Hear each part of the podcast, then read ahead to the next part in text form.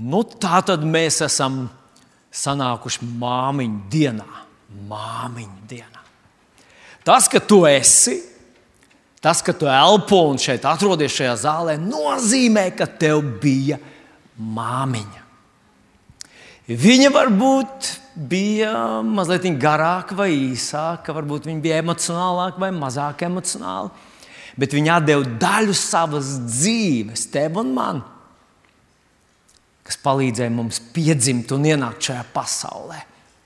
Un īsnībā laikam jau ir tā, ka ja mēs nepiedzimstam šajā pasaulē, tad mēs arī debesīs nonākt nevaram.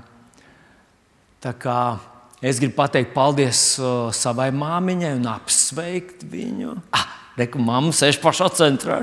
Ļoti pareizi. Jā, paldies, mamma. Tev un apsveikt, apsveikt visas māmiņas, kas ir šeit. Un varbūt kaut kur mūs skatās kāda jauka māmiņa, vai cēsīs, vai liepājā, vai kaut kur. Priecājamies par katru no jums, un mēs ticam, ka Dieva svētība pieder absolūti katrai mammai. Bet mēs zinām, ka pasaulē ir arī sievietes, kurām nav fizisku bērniņu, bet viņām var būt garīgi bērni un arī viņām ir sava misija, savs īpašais ceļš šajā pasaulē. Un tas ir ļoti svarīgs, un arī jūs mēs apsveicam šajā rītā. Bet, eh, jā, jā domāju, ka nu, māmiņa pēc likuma ir sieviete, vai ne? Vai jūs priecājaties, ka māmiņa ir sieviete? Tie bija jau diezgan daudz gadu atpakaļ, kad eh, es mācījos Latvijas Universitātē, un man bija arī vienā reizē jātaisa prezentācija. Esmu stāstījis jau par to, bet nu, drusku pieminēšu. Un tad es atradu tādu pētījumu, kur tika aptaujāti bērni, kas jau tajā laikā tika izaudzināti rietumu valstīs, homoseksuālās ģimenēs. Tad tiem bērniem jautāja, nu, kāds ir jūsu iespējas un jūsu viedoklis un sajūta.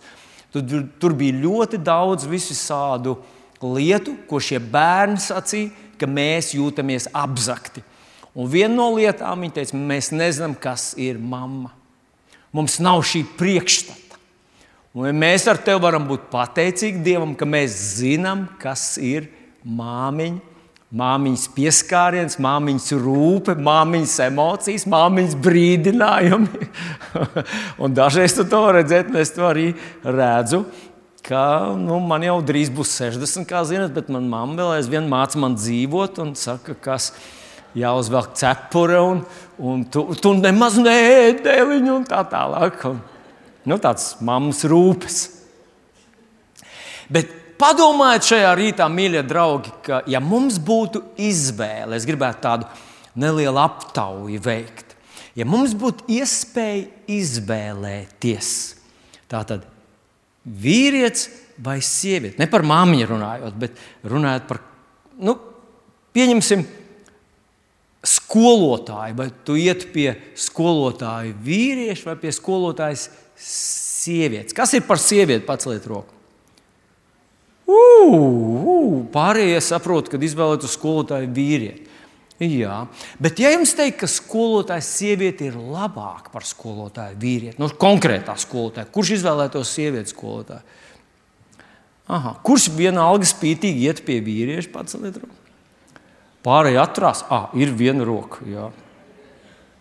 Mums ir mūsu vidū drosmīgi cilvēki. Bet iedomājieties, jums būtu iespēja izvēlēties medbrālis, medmāsa brālis vai medmāsa sieviete, kas nāks un jums muskuli ielaidīs no to, ko, ko nu tur vajag ielaist. Kurš izvēlētos medmāsiņu sievieti? Kurš atturās un vispār neiet ne pie viena?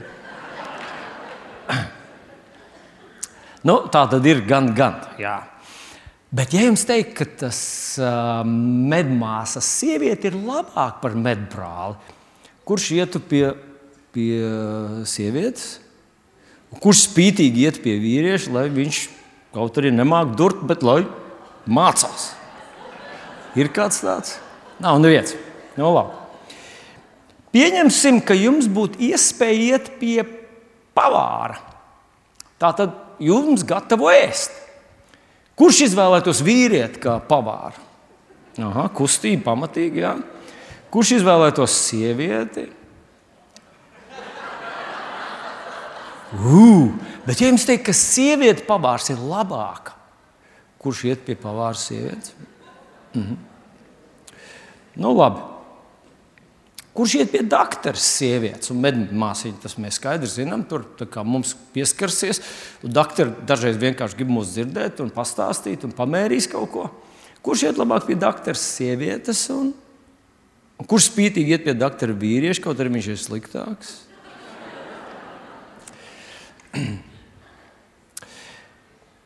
Kurš izvēlētos doktoru? Um, piedodiet, šoferis, sieviete. Tu brauc taksometrā, un tev ir iespēja izvēlēties, tur ir sieviete pie stūres, un tur ir vīrietis pie stūres.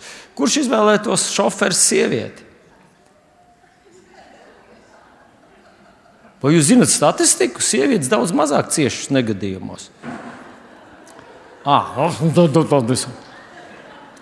Kurš aizdod savu mašīnu mehāniķim, sievietei?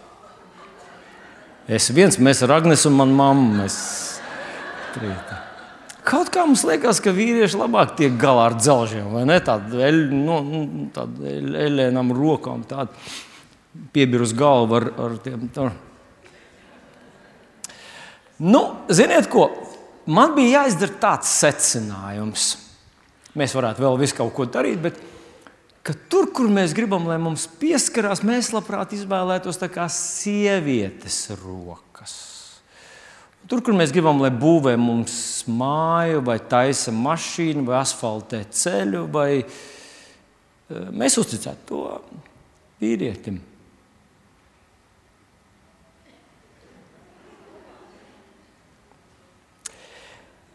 Jā. Tas notika vienā lielveikalā. Aculiecinieks vismaz stāstīja, ka šī gadījumā tā bija sieviete, bet mierīgi tas varēja būt arī nu, kāda vīrieša nodaļā. Kāda dāma uzmēģina klēt, stāv pie spoguļa un pie sevis pukojās. Un saka, nu, nezinu, ko lai dara. Nekas vairs neizskatās labi. Par laimi tur blakus stāv pārdevēja, kas viņu mierina un saka, nu, es jums nepiekrītu. Šī kleita, piemēram, izsaka visu. Uz ko pircējs saka, nu, tur jau tā lieta, ka viņi visi izsaka, es meklēju tādu klētu, kas tur muti.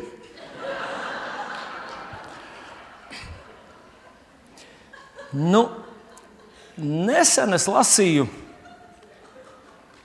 lasīju kādu komentāru, Bībeles komentāru. Un tur par kādu konkrētu situāciju tas komentētājs rakstīja tādus vārdus. Paklausieties! Iespējams, ka tā ir vislielākā gudrība. Neizteikt visu, ko tu zini. Iespējams, ka tā ir vislielākā gudrība. Nepateikt visu, ko tu zini. Mēs zinām, ka tas ļoti labi saskan ar Bībeles mācību un Bībeles tekstu, kurš saka, lai mēs savus svētumus suņiem nedodam un savus pērles nemetam cūkām priekšā. Ja tas tā ir par mums, Dievs māca to mums, tad pavisam droši Dievs savas pērles un savus svētumus nemet suņiem un savus pērles nemet cūkām priekšā.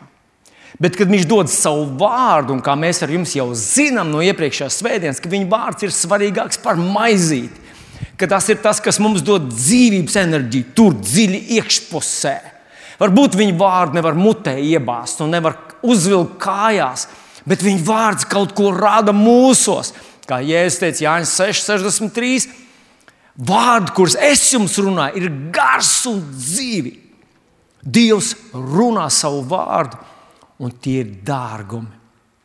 Šajā rītā es gribu ar jums paskatīties uz diviem gadījumiem, kad Dievs runāja savu vārdu, un ļoti ceru, ka mēs kaut ko iemācīsimies, kādu no senām patiesībām, kuras Dievs grib Es ticu, ka Dievs grib šodien apstiprināt, jo īpaši tādēļ, ka tā ir māmiņa diena. Ir kāda īpaša vieta un īpaša misija šajā pasaulē māmiņām un sievietēm. Un tā pirmā doma, ko gribu jums atgādināt, ir no Jonas grāmatas, pirmās nodaļas, kur uzrakstīts burtiski šāds te teikums, pirmais pants. Un tā kunga vārds nāca pār Jonu, Amitaja dēlu. Celies un dodies uz lielo pilsētu Ninivi. Norāja to un paziņot tai, ka tās ļaunie darbi jau nonākuši mana vaiga priekšā. Tālāk mēs lasām, ko darīja Jona. Jona cēlās, lai bēgtu no tā kunga, un mēs tur uzrakstīsim viņa maršruts, un mēs konstatējam, ja mēs papētītu karti, ka, ja Ninive bija uz topus, Jona mērķiecīgi dodas prom, dodas pilnīgi pretējā virzienā. Viņš bēg no tā kunga. Kāpēc Jona bēg no tā kunga? Jonam ir ļoti daudz ļoti gudru, ļoti loģisku aizbildinājumu, kāpēc viņš nevar doties uz lielo, ievērot, tur rakstīts, lielo pilsētu Ninivi. Un es negribu iedziļināties šodien lielā aprakstā, dziļā aprakstā, jo tur tiešām vēsturnieki izpētījuši, tā bija miljonu pilsēta ar milzīgiem mūriem. Tur nu, tas teritorija bija milzīga. Vēl vairāk tā bija milzīgas, nedraudzīgas Asīrijas valsts, Izraels tautai, Izraēlai valstī, nedraudzīgas valsts, Asīrijas galvaspilsēta. Šo Ninivu bija uh, dibinājis pirmais, pirmais cilvēks diktators, Nimrods. Un tā tad Dievs uzrunā Jonu, lai viņš dodas uz šo nedraudzīgo, milzīgo valsti, uz viņu milzīgo galvaspilsētu un sludina viņiem, ka pēc 40 dienām šī pilsēta aizies bojā viņu grēku dēļ. Jona to negrib. Īsnībā, ja Dievs būtu pajautājis Jonam, vai pēc 40 dienām, es domāju, Jona būtu teicis pēc 4 minūtēm. Puf! Tas dos, dos lielāks izredzes manai tautai, manai zemē izdzīvot, ja tu sagraus šo nīnību, un tā Asīrija pazaudēs savu superspēka uh, pozīcijas. Bet Dievs nejautāja Jonam, un kas ir ļoti interesanti, ka tad, kad Jona nobeidz, Jonas grāmata beidzās, viņa beidzās ar tādu mājienu, pat ne mājienu, tādu ļoti konkrētu ziņu. Un tā ziņa ir, ka Jona ir vīlies. Saka, vīlies. Re, kur mēs lasām Jonas vēstulē, Jonas piedodiet grāmatā, 4. nodaļā, no 1. panta. Tātad Nīderlandē nav izpostīta. Viņi ir atgriezušies, visi tie asīrieši. Viņi sauc uz debesīm pēc žēlastības. Te ir rakstīts tā, tas sagādāja Jonam lielu vilšanos. Vilšanās nav 21. gadsimta fenomens. Tas ir pavadījis cilvēks ilgi, arī Dieva bērns. Viņš iedegās dusmās. Un viņš tad piesauc tā kungu lūgšanā, lūk, kur ir lūgšana, kas izteikta dusmās. Ak, kungs, vai tas nav tieši tas, ko es teicu, kad es vēl biju savā zemē? Tādēļ es priekšlaiku steidzos aizbēgt uz Taršišu, jo es zināju, ka tu esi žēlīgs un mīlestības pilns Dievs. tu, pils, tu solīji iznīcināt viņus, tad tu to negribi darīt. Tu to nemūžam nedarīsi, jo pazīsti Dievu. Halleluja! Tu esi žēlīgs un mīlestības pilns Dievs lēnprātīgs un bagāts žēlastībā, kam paredzamā ļaunuma pašam ir žēl. Mēs gan lasām šeit tālāk, ka Dievs izskaidro Jonam savu pozīciju, savu attieksmi.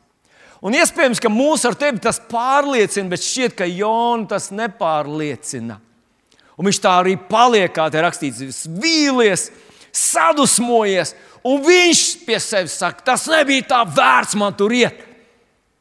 Un es neatceros, vai es pieminēju vai nē, bet 40 gadus pēc Jonas misijas Asīrija ar tās Nīnivas valdnieku priekšgalā iekaro Izraēlu. Un mēs varam mācīties no šīs stāsta to, ka kādi cilvēki, kas mums nepatīk, kuriem mēs nepatīkam, Dievam var būt ļoti dārgi. Bet šobrīd gribēju jūsu uzmanību vērst uz kādu citu aspektu. Un tas aspekts ir tāds, vai Jona varēja neiet uz Nīnivi. Vai viņš varēja saņemt vārdu no Dieva, ej uz Nīnu un pasludini viņai, vai viņš varēja neiet? Un es atstātu šo atbildi šo jautājumu, atstātu, lai tu to atbildi sev pats. Bet vienu, ko es gribu, lai tu ieraugi, ko mēs ļoti konkrēti šeit redzam, ka tad, kad Jona nerīkojas uz vārda pamata, vai nepaklausa vārdam, vai nerīkojas ticībā, jo ticība vienmēr ietver sevī vārdu plus rīcību, vai ne? To mēs zinām. Ticība nav vienkārši sēdēšana un raudzīšanās mākoņos. Ticība vienmēr ietver sevi, tu dzirdēji vārdu, un uz šī vārda pamatu rīkojies. Kad viņš nerīkojas, viņš atcerieties, viņš zaudē. Vētra pret viņu, viņš iekrīt ūdenī, jūra pret viņu, visas situācijas nostājas pret viņu. Un, ja mēs atceramies Iesai grāmatu 54. nodaļu, no 17. panta, kur rakstīts, nevienam ierocim, kas vērsts pret tevi, neizdosies tev pieveikt. Un ik viena mēlī, kas uzstāsies tiesā pret tevi, tu noraidīsi kā netaisnu liecību un paklausies, kas tur tālāk teiks. Tas ir tā kunga kalpu mantojums un mana svētība, kas viņus pavadīs. Tātad, ja Jona nav tā kunga kalps, saņēmis vārdu, viņš uz tā nerīkojas, viņam šis mantojums un šī svētība nepiemīt. Bet tikko viņš atkal, un mēs zinām, ka viņš otrais saņem šo vārdu, tad, kad, tad, kad tā lielā zivs, viņu lielā līdeka vai lielā mansa, vai nu, mēs kā, oh, nu, mēs nezinām, man ļoti patīk vienreiz viens evanģēlists, kanādiešu evanģēlists teica, Ja tur būtu bijis rakstīts, ka Jonas sievsmāte aprīto zivu, mēs ticētu. Jo tas, ko Dieva vārds saka, Dievam viss ir iespējams. Un, un tā, kā arī kas tā arī nebūtu bijusi par zivi, kad viņi izvēlējās Jonu krastā, viņš vēlreiz dzird no Dieva, ej uz to pilsētu. Kā mēs jau atceramies, Dievs savus pērles nemētā.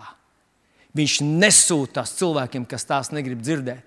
Acīm redzot, Jona bija viens no tiem, kas stāvēja Dieva priekšā un teica, re, kur es esmu, tavs kalps, gribu tev kalpot. Ko tu gribi ar manu dzīvi izdarīt? Un Dievs viņu uzrunāja. Un tad viņam tas nepatika.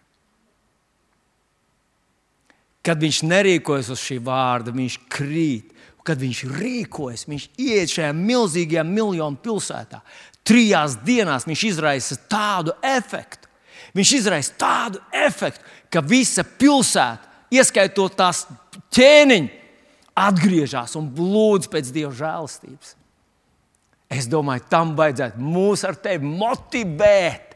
Nepalaist garām viņa vārdu. Ja viņš ir mūs uzrunājis, tas mūs padarīs stiprāks, efektīvāks. Jā, tas liks rīkoties.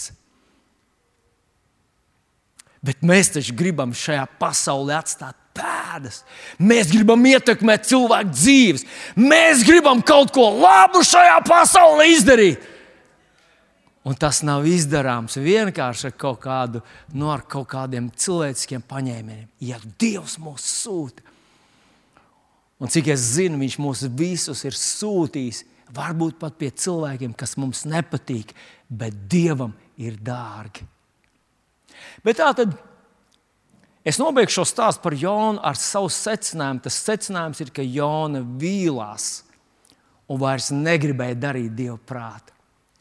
Pēc kā es tā spriežu, es par to spriežu, ka viņš vairs nesaņēma vārdu no Dieva.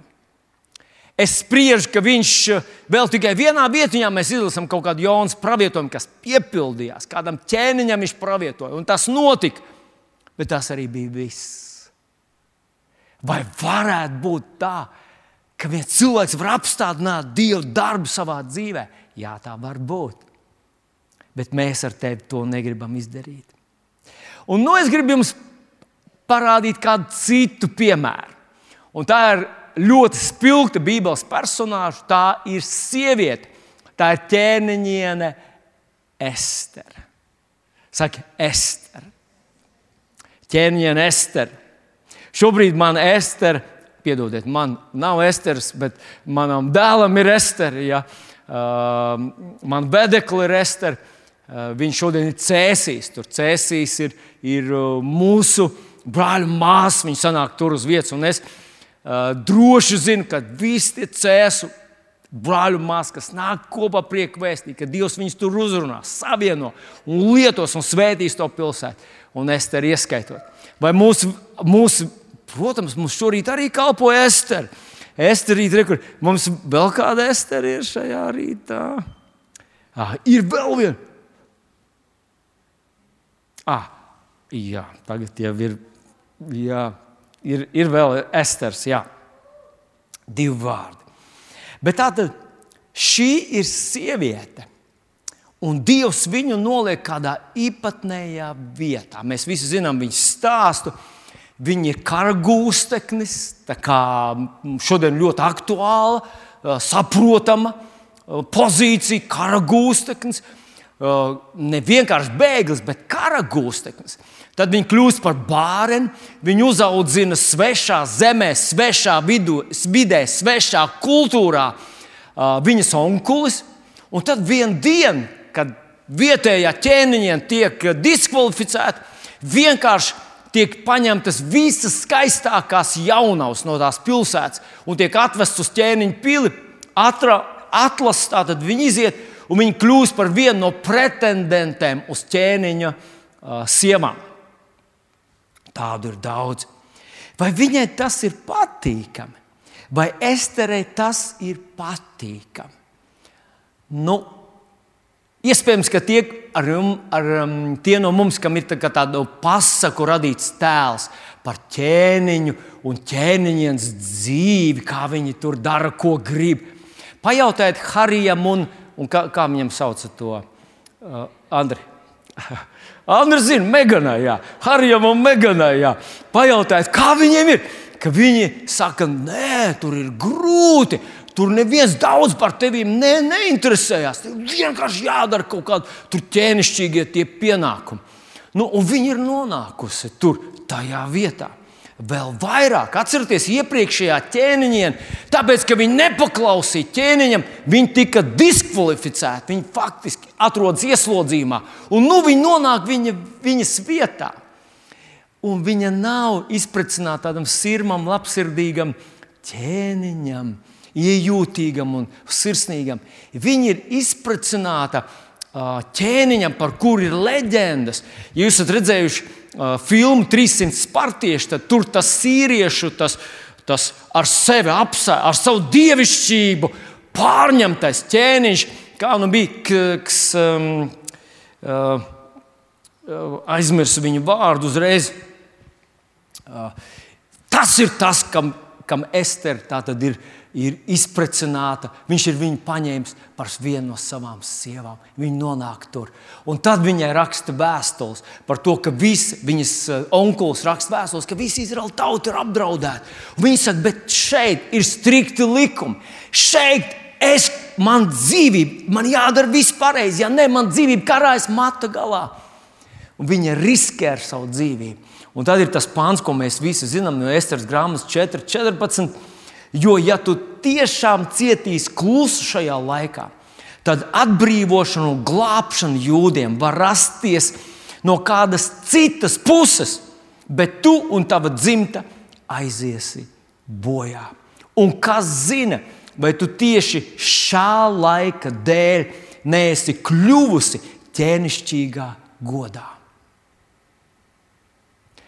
Esterei jāiestājas par savu tautu Jonam bija jāiestājas par, par tautu, par svešu tautu, un vienalga jāiestājas. Manuprāt, Estere riskēja daudz vairāk. Bet, zinot, kas ir interesanti? Man gribas salīdzināt abas šīs misijas. Un, ja Jona vienkārši trūli, viņam teica, iet, un viņš iet un sludina. Tikko viņš ir savu uzdevumu pabeidzis, viņš aiziet prom un ir vīlies, sarūktināts, dusmīgs un viņš nepabeidz savu darbu. Tieši tad, kad tauta atgriežas, ka tagad nu, viņš varētu viņiem pastāstīt, un pavest tālāk, un pamācīt, kā turpināt savu dzīvi, viņš to nedara. Viņš ir prom. Ester rīkojas ļoti smalki.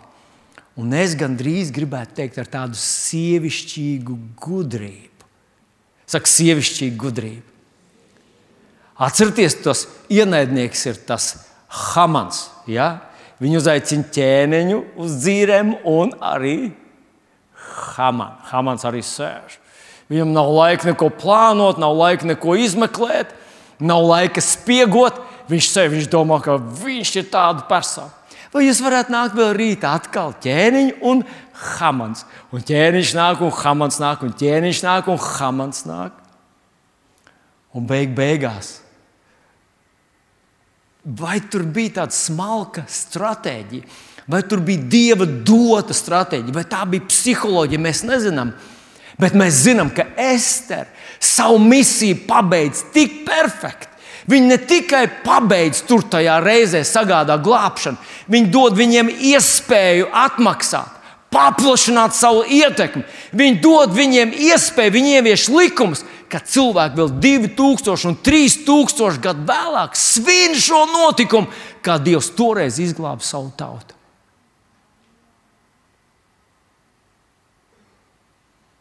Vilni, ko tu ar to gribi teikt?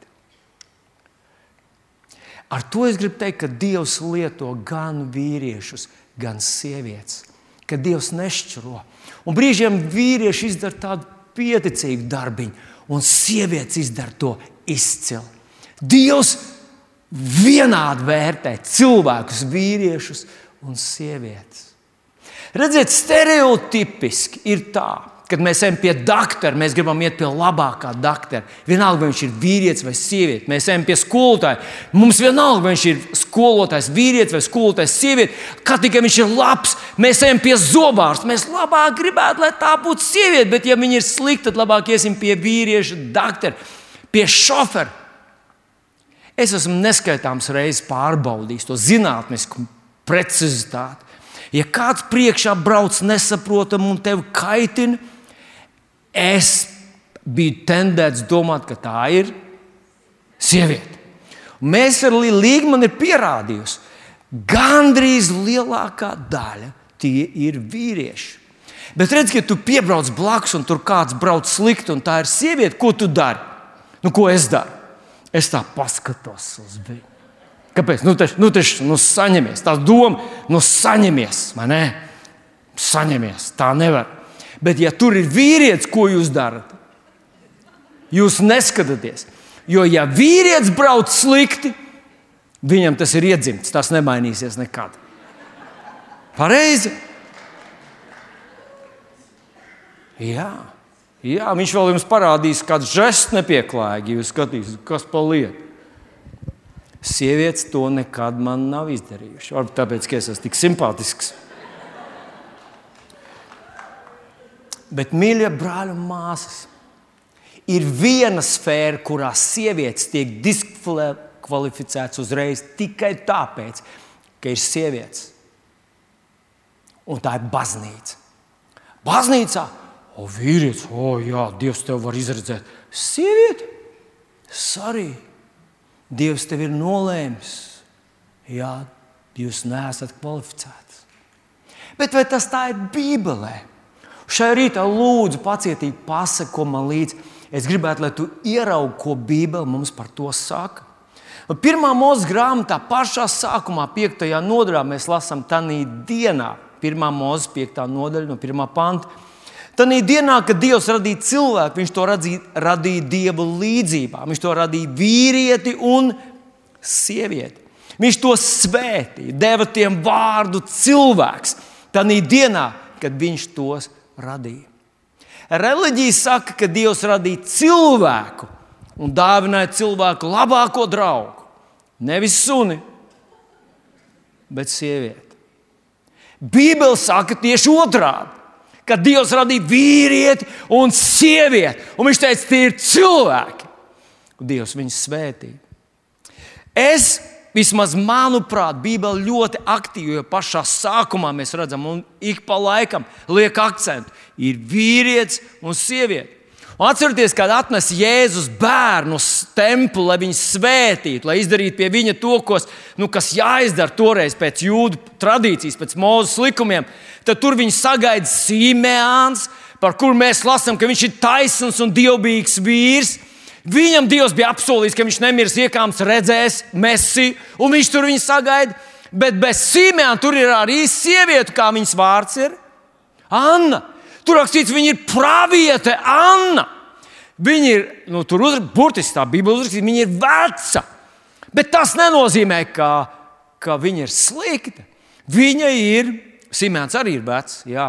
bet tas nozīmē, ka, tā, ka Dievs mums cenšas pateikt, gan vīrietis, gan sieviete tur svētīja un sagaidīja Mozu, jo Jēzus bērnu. Man gribas vēl kādu izskriet mazliet cauri tādus svarīgākos akcentus, svarīgākos punktus, parādīt, ko Bībele mums saka. Tātad mēs visi zinām, ir Mozus, Dieva vīrs. Bet vai mēs zinām, ka viņa māsa Mirjam, kurai gadījās arī kļūdīties kādā vietā, ka viņa ir nosaukta par pravieti? Viņa pravietoja, un viņas pravietojumi ir pierakstīti Bībelē.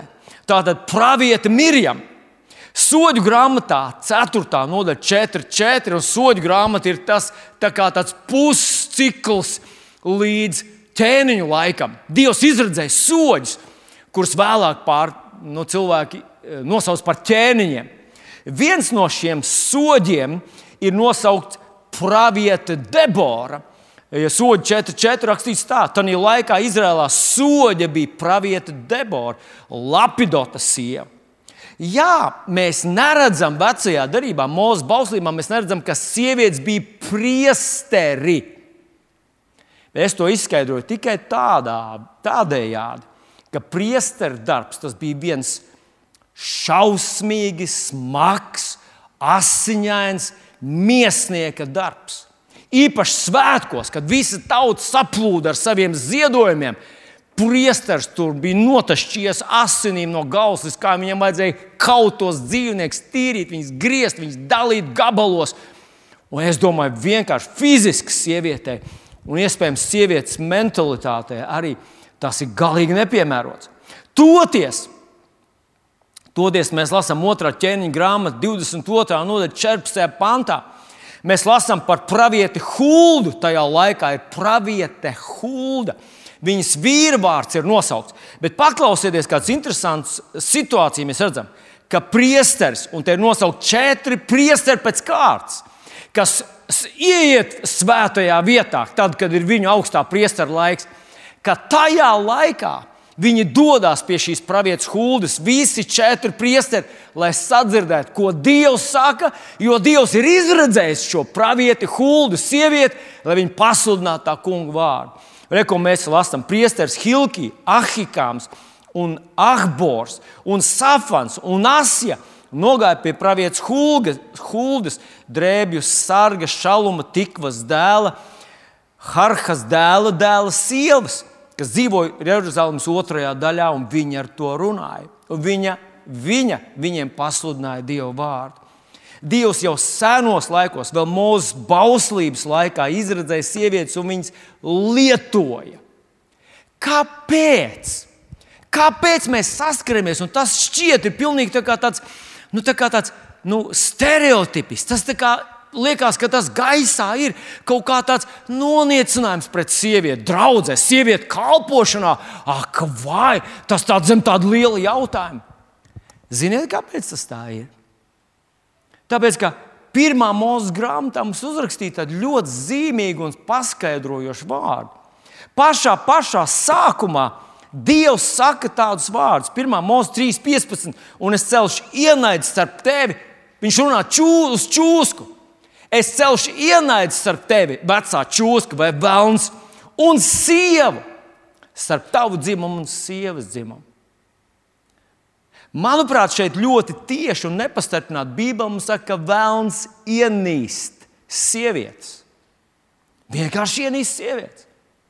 Vēlns ienīst kristiešu, vēlns ienīst patiesi nodevušos Dievu bērnus, vēlns ienīst Izraēlu tautu.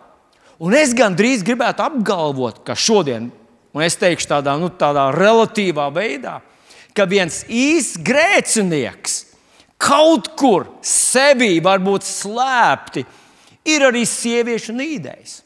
Kaut kas viņam ne, viņam ir sava vieta. Nu, pornogrāfija ir sievietes pazemošana, sievietes izmantošana. Un šodien tā ir tik izplatīta. Un, manuprāt, tas ir veids, kā vēlams vēlas diskreditēt cilvēku, kur Dievs radīja pēc sava ģīmuma līdzību, šī gadījumā viena no dzimumiem - sieviete. Vēlams ienīst sievieti, vai arī es nostāšos uz tā ceļa. Vai es būšu antisemītis, kas ienīst dievu tautu, vai es būšu tas, kurš nicina dieva draugu? Nē, bet šķiet, noniecināt sievieti, tas ir, tas ir pat, pat bibliski, kur es jums uzdrošinos apgalvot, kas ir pilnīgi pretēji. Otrā vēstulītē, korintiešiem 5,16 rakstvietiņa, kas ļoti stipri, ļoti tieši runā par šo. Un tur mēs lasām tādus vārdus.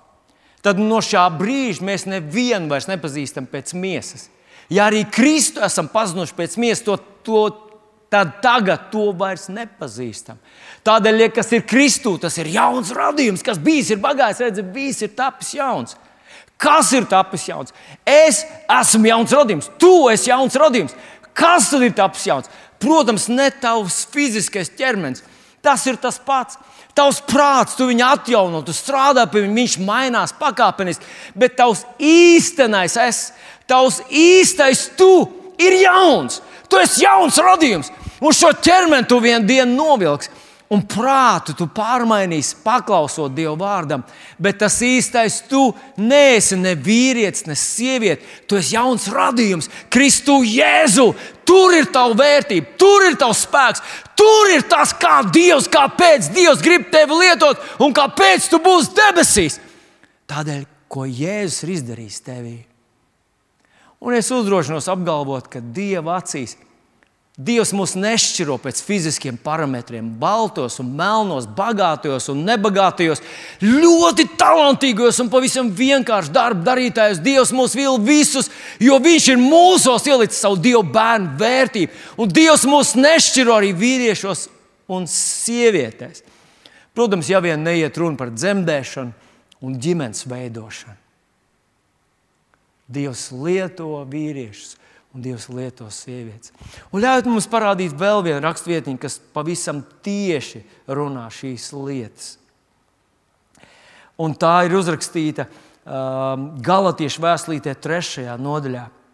Jūs jau, trešā nodaļa, jūs jau visi ticēdami uz Jēzus Kristu esat Dieva bērni. Jo jūs visi, kas esat Kristus vārdā, kristīti, esat tērpušies Kristū. Tur nav ne jūda, ne grieķa, ne kalpa, ne svabadā. Nav ne vīri, ne sievas, jo jūs visi esat viens Kristū. Un, kad jūs piedarat Kristum, jūs esat Abrahāma dzimums, mantinieki pēc apsolījuma. Es nobeigšu ar vienu raksturvietiņu. Tā ir Romas vēstulīte, 6. nodaļa, 16. nodaļa, piedodat, kur apelsīns Pāvils runā par, par divām ģimenēm. Ziniet, kas ir interesanti? Ka Viņš nosauc viņš sve, sveicināšanas tekstu. Viņš piemin visus tos cilvēkus, ko viņš atcerās. Pasveicina to, pasveicina to, pasveicina to. Mums varētu likties, ka tur ir neprecēti, un tad viņš sveicina precētos, un tur viņš nosauc gan vīru, gan sievu, bet tā nav patiesība. Viņš īpaši piemin tos vīrus un sievas, kas ir kalpošanā. Respektīvi, ja apustulis Pāvils šodien sūtītu savu vēstuli kādai ģimenei, kur vīrs ir kalpošanā, un sieva tā pasīvi parādās viņam blakus, sēž klusi svētdienās, tad viņš sveicinātu to vīru. Mūsu gadījumā viņš noteikti sveicinātu vilni un līgu. Un iespējams, dažreiz viņš mainītu vietām. Viņš teiktu, pasveiciniet līgu un arī vilni. Mans kalpotājs, kas kopā ar mani kalpo Dievam, un draudz viņa namā arī sveiciniet. Nu, paskatieties, kas ir uzrakstīts Romas 16. nodaļā. Sāksim ar uh, 7. pāntu. Sveiciniet Androniku. Androniks ir uzvarētājs, divu vīrs uzvarētājs. Laikam Andris ir no šī paņemts, atvasināts šis vārds. Sveiciniet Androniku un Jūniju. Jūnija ir eh, sievietes vārds. Manus ciltsbrāļus, kādi kādu Bībeles pētnieku saka, ka šeit iespējams ir lietots vārdiņš, kas var attiekties gan uz maniem tautiešiem, gan maniem radiniekiem. Iespējams, ka tie ir radinieki Pāvila dzīvē, Pāvila rados, kas bija kristieši. Viņš tālāk saka, kas bija kļuvis par kristiešiem pirms manis. Bet te ir ļoti konkrēta secība. Tam laikam ļoti atbilstoši. Tātad vīrs vispirms, un pēc tam ir jūnija. Manus cietumbiedrus, kas ieņem cienīgu vietu starp apstuļiem, un jau pirms manis bijuši Kristū.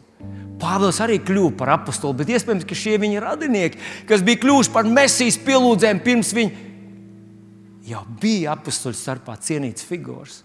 Tātad Androniks un Jūnija. Bet šo pašu, pilnīgi otrādi viņš run, runā šeit pat drusku iepriekšējā pašā fragmentiņā, trešajā pantā.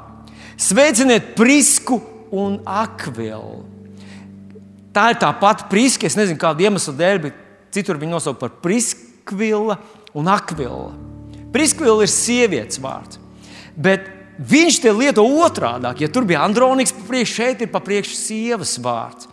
Un pētnieki saka ļoti skaidri, ka acīm redzot, šīs priskvilas dāvana bijusi tik spilgta, viņas kalpošanas aicinājums ir bijis tik spilgts, ka Pāvils saka, vi, nu, es veicinu kalpotājus, priskvila ir pirmā un Akvilu arī, protams, sveiciniet viņu. Un tad viņš saka, sveiciniet draugus viņu namā. Tātad viņu namā bija draugs.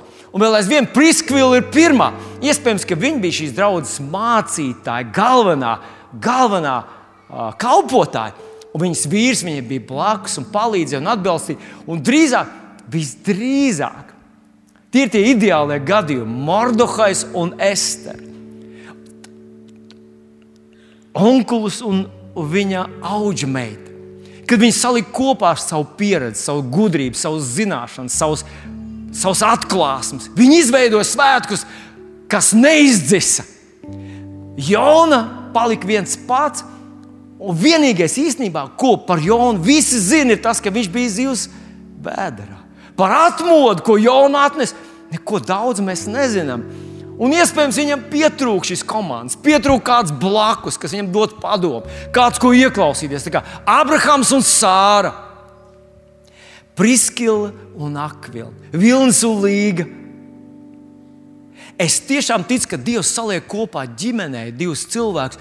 Tad ne tāpēc, lai viens būtu kungs, no otrs mazgāt viņam apkārt grīdu, bet lai tā būtu komanda, kurā ir abi līdzvērtīgi, abi aug, abi pieaug, abi saprot, abi ir svarīgi. Abiem Dievs uztic savu vārdu. Abiem Dievs uztic savu vārdu. Un Jāna to cenšas izdarīt no visas sirds, un viņš saprot, ka viņš nevar to nedarīt, jo Dieva vārds neatgriežas tukšā. Un Dievs sūta savu vārdu tev. Vai tu esi vīrietis vai sieviete, mēs nevaram to ignorēt. Mēs nevaram uz to nerīkoties. Mēs nevaram dzīvot tā, it kā mums nekas netiktu atklāts. Mēs pazaudējam šo dievu kalpu svētību un mantojumu, bet tas ir dārgs, tas ir nozīmīgs, tas dod mums uzvaru. Tas neļaus mums nogrimt jūrā un neļaus mūsu ienaidniekiem mūs iznīcināt. Šodien mēs ar tevi esam tādā vietā, ka Dievs mūs ir sūtījis šajā pasaulē. Tevi un man Dievs ir sūtījis šajā pasaulē. Pie dažādiem cilvēkiem. Daži mums liekas simpātiski, daži nešķiet. Bet Dievam viņi ir svarīgi. Mums ar tevi ir kaut kas jā, mums vismaz jānes tas savā sirdī. Mums jāsaka, Dievs, kā to izdarīt. Dod man gudrību. Pielietot gudrību ir gudrība.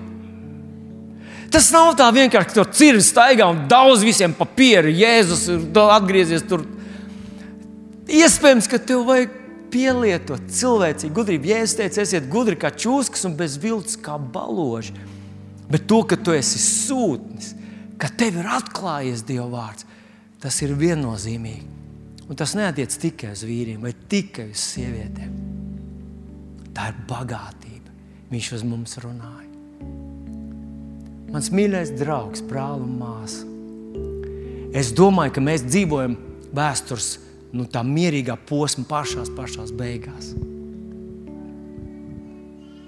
Es ticu, ka mūsos ir, ka mūsos ir šī slāpe un ilgas, tiešām efektīvi aiznest viņu vārdu, izdarīt to līdz galam, pagodināt viņu, pieskarties cilvēkiem ar Dieva gudrību un mīlestību, ar viņu vārdu. pieskarties. Un, ja mēs esam vīlušies kādā situācijā, nepalikt vīlušamies, mīļais, mans brāl un māsa. Tas ir bērnu nodoms, ka vienreiz tev kaut kas neizdodas, nesanāca, un tu neredzēji augļus. Manuprāt, Jona neredzēja savus kalpošanas augļus. Vienkārši neredzēja. Bet tā tas ir ar cilvēkiem. Tikai tad, ja tu mūrē kaut ko, tu vari redzēt savus vakardienas darba augļus. Kad tu audzini bērnus, tu neredz to. Kad tu, kad tu viņus izglīto, māci, tu viņiem pieskaries, tu mīli, tu viņi it kā dzīvo paši par sevi, savu dzīvi, un tu pēc kāda laika domā, vai tam bija kāda nozīme. Tam bija kāda jēga, ka es viņiem teicu, ka es lūdzu par viņiem, ka es pieskāros, stāstīju, vai tam bija kāds auglis. O, jā, O, jā, o, jā. Tu nemaz nezini, cik daudz pagānu ir atgriezušies tajā Ninivē, tajā naidīgajā, nedraudzīgajā Ninivē, jo tu kalpoji viņiem. Tikai to ieraudzīsi drusku vēlāk. Bet nepagurt, nevilties, nenolikt pie malas savu aicinājumu, palikt uzticīgiem tam, iet līdz galam. Dievs, es to gribu darīt. Vēl šodien ir diena, es to gribu darīt. Tev par godu un sev pašam par milzīgu gandarījumu.